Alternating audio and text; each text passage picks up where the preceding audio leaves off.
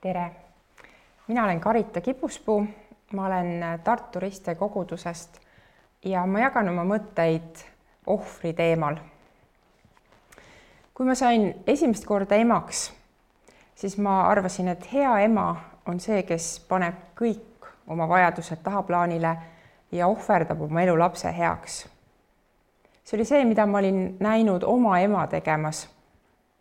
ja sõnakuuleliku tütrena ma järgisin tema eeskuju. ma lõpetasin praktiliselt igasuguse seltskondliku elu, et pakkuda oma beebile rahulikku ja turvalist kodust keskkonda ning hästi stabiilset päevarütmi. näis, et minu beebi tunneb end minuga suurepäraselt, aga mina ise muutusin millegipärast järjest kurvemaks ja õnnetumaks. ja väga tükk aega ma ei saanud aru, mispärast.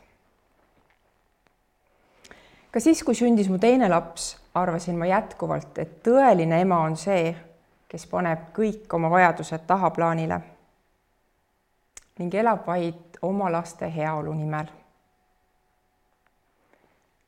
nüüd siit tagasi vaadates näen, et need aastad olid minu elus üks nukker ja väga üksildane aeg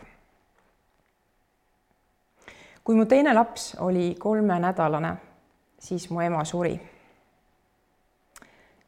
oma surivoodil väljendas ta suurt kurbust ja kahetsust, et ta ei olnud osanud võtta piisavalt aega iseenda jaoks. see pani mind tõsiselt mõtlema ja oma elu üle vaatama. kuid alles siis, kui sündis minu kolmas laps hakkasin ma mõistma, et mitte ükski beebi ei oota tegelikult oma emalt, et see ohverdaks kogu oma elu tema heaks. jah, lastel on oma kindlad vajadused ja vanemate vastutus on vaadata, et need vajadused saaksid täidetud. kuid mitte ükski beebi ei nõua oma emalt või isalt, et nood lõpetaksid täielikult läbikäimise oma sõpradega ning ei lahkuks hetkekski kodust ilma lapseta. alles oma kolmandast lapsest hakkasin ma õppima, kuidas olla ema, kes on oma laste jaoks olemas siis, kui nemad seda vajavad, olles samal ajal ka abikaasa ja naine, kes täidab oma tassi ning järgib Jumala kutset oma elus. mitte kõik ohvrid mida inimesed, mida inimesed toovad, ei ole ilmtingimata vajalikud. ning on ohvrid, mis lõhuvad nii ohverdajat kui ka seda, kelle heaks näiliselt ohver tuuakse. üheks niisuguseks näiteks on kaassõltuvus, kus ühe pereliikme ennast ohverdav käitumine tegelikult toidab ja hoiab alal teise pereliikme sõltuvust olgu see siis alkoholism, pornosõltuvus või vaimne või füüsiline vägivald. ka vanemate suutmatus oma täiskasvanud lapsi õigel ajal lahti lasta või vastupidi, oma teismelise liiga varajane iseseisvusse tõukamine sisaldavad enda, endas ohvrit, mida keegi ei vaja ning mis pigem lõhub kui parandab vahel toovad kristlased ohvreid, mida nad arvavad Jumalale meeldivat. kuid tegelikkuses on asi kaugel sellest. piiblis on mitmeid kohutavaid näiteid isadest, kes on valmis tooma ohvriks või ohverdavadki oma tütreid. näiteks me võime esimese Moosese üheksateistkümnendast peatükist salmid üks kuni üksteist lugeda Lotist, kes oli valmis oma kaks tütart ohverdama grupi vägistamise jaoks, selleks, et päästa Jumala saadetud ingleid.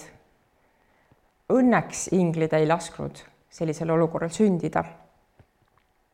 või siis kohtumõistjate üksteist, kolmkümmend kuni nelikümmend võime lugeda sõjapealik Jeftast, kes palus Jumalalt õnnistust ja kordaminekut ühele sõjakäigule ja muuhulgas andis ka tõotuse tuua ohvriks esimene, kes talle eh, koduteel siis vastu jookseb. ja juhtus niimoodi, et eh, selleks esimeseks oli tema ainus tütar. nii tõi Jefta ohvri, mida Jumal tegelikult ei olnud talt kunagi küsinud. ja tegelikult Jumal ei, ei nõudnud või ei oodanud ka selle tõotuse täidesaatmist. sellised ohvrid on ohvrid, mida Jumal meilt ei taha ja millest ta kindlasti rõõmu ei tunne. ohvril on mõte, kui selle läbi muutub kellegi jaoks midagi paremaks. ohver saab tähenduse siis, kui seda kannustab miski, mis on ohverdajast endast suurem me võime ligimese aitamise nimel tuua ohvriks iseenda heaolu ja mugavuse, et pakkuda kellelegi julgustust tema ärevuses, tuge tema võitlustes, seltsi tema üksinduses või lohutust tema leinas. paljud ukrainlased ohverdavad neil päevil oma elud kodumaa vabaduse nimel ebaõigluse vastu võideldes kuid ohvri tõeline tähendus peitub Jumala tingimusteta armastuses inimkonna, sinu ja minu vastu. kui ta saatis oma veatu poja, Jeesuse Kristuse ristile surema meie kõigi pattude pärast.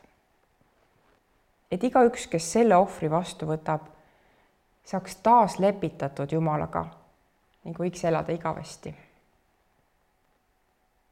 suurima ohvri tõi Jeesus oma valmisolekuga loobuda oma elust, et kanda meie, sinu ja minu üleastumiste karistus. et meie võiksime kogeda andeks andmist ja et meil oleks elu ja seda ülirohkesti.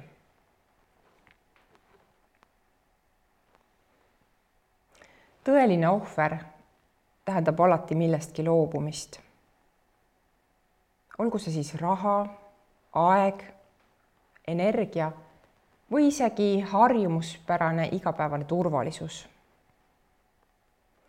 tõeline ohver ei ole kunagi mugav.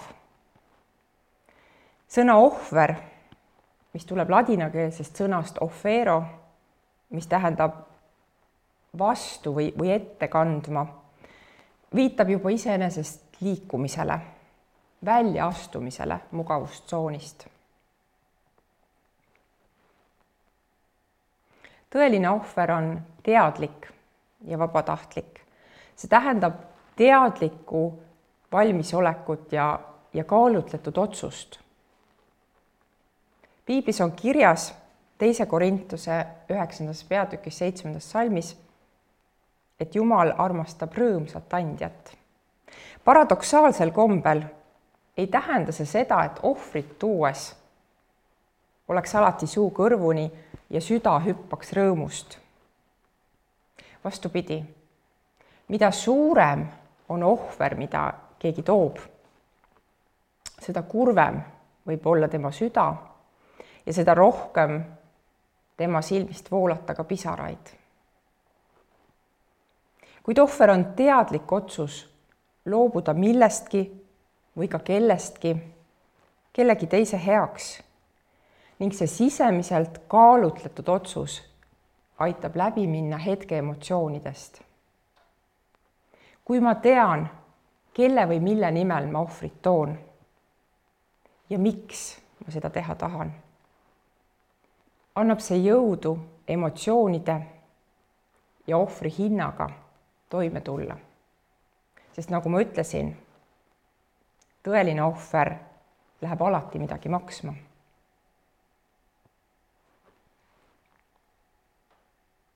millist ohvrit ootab meilt Jumal?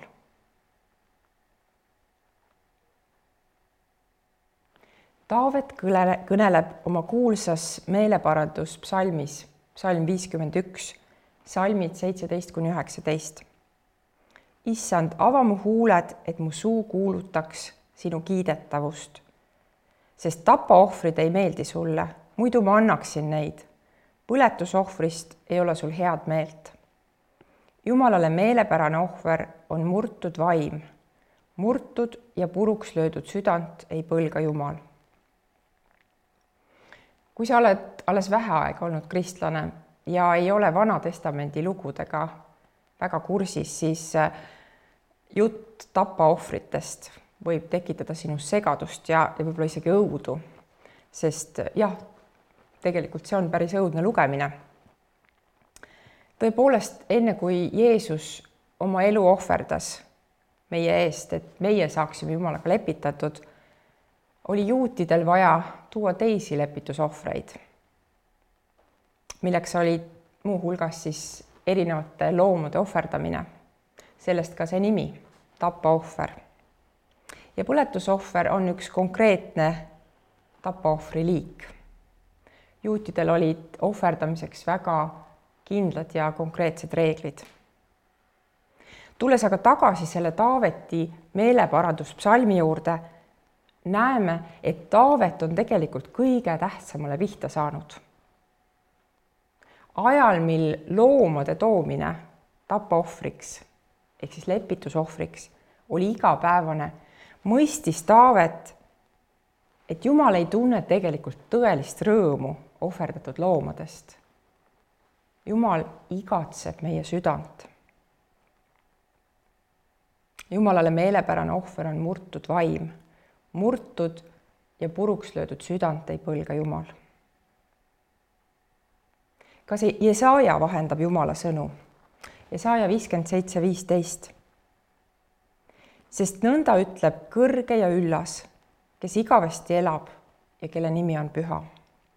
ma elan kõrges ja pühas paigas ja rõhutute ning vaimult alandlike juures, et turgutada alandlikke vaimu ja elustada rõhutute südameid Jumal igatseb meie südant. nii lihtne ja samal ajal nii keeruline.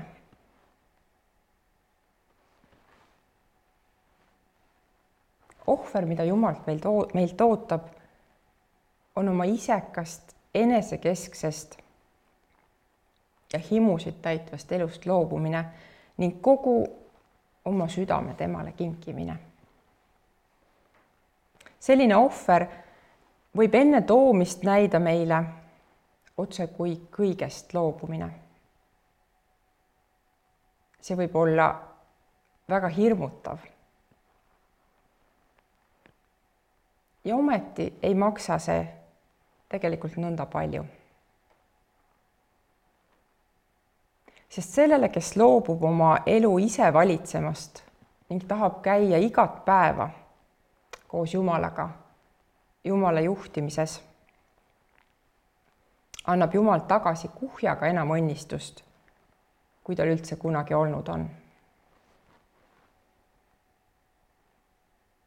meie Jumal on paradokside Jumal. Jeesus ütleb Matteuse evangeeliumis kuueteistkümnendas peatükis salmid kakskümmend viis kuni kakskümmend kuus sest kes iganes tahab päästa oma elu, kaotab selle. aga kes iganes kaotab oma elu minu pärast, leiab selle. sest mis kasu on inimesel, kui ta võidaks ära terve maailma, oma hingele teeks aga kahju. Või mis oleks inimesel anda ära oma hinge lunaraha, luna hinnaks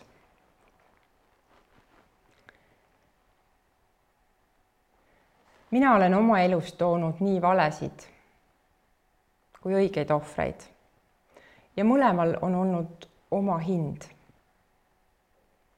vale ohvri puhul kaotasin ma oma hingerahu ja kogesin rõõmu asemel palju kurbust. Kuid sellest ajast, kui ma aastaid tagasi hakkasin palvetama igapäevaselt et minu elus võiks sündida Jumala tahe ja tema parim plaan. olen kogenud lahedamaid ja pöörasemaid seiklusi, kui ma kunagi oleksin osanud ette kujutada. tegelikult ei ole mul selle kirjeldamiseks piisavalt sõnu. Kinkides oma elu Jumalale, saad sa osa millestki, mis on ühtaegu pöörane ja samal ajal ka tegelikult üliturvaline. ettearvamatu ja samal ajal otse kui kõige pisemate detailideni läbi mõeldud. elu Jumalaga on imestus ja ülistusväärne. ja see on seda ohvrit väärt. kui me mõistame Jumala toodud ohvri tõelist tähendust, saavad kõik inimlikud ohvrid omal moel jumaliku mõõtme. mul ei ole tegelikult kahju loobuda oma ajast või mugavusest, oma laste, oma abikaasa, oma sõprade või vahel ka täiesti võõra ligimese heaks. kui ma mõistan, et Jeesus loobus minu pärast oma elust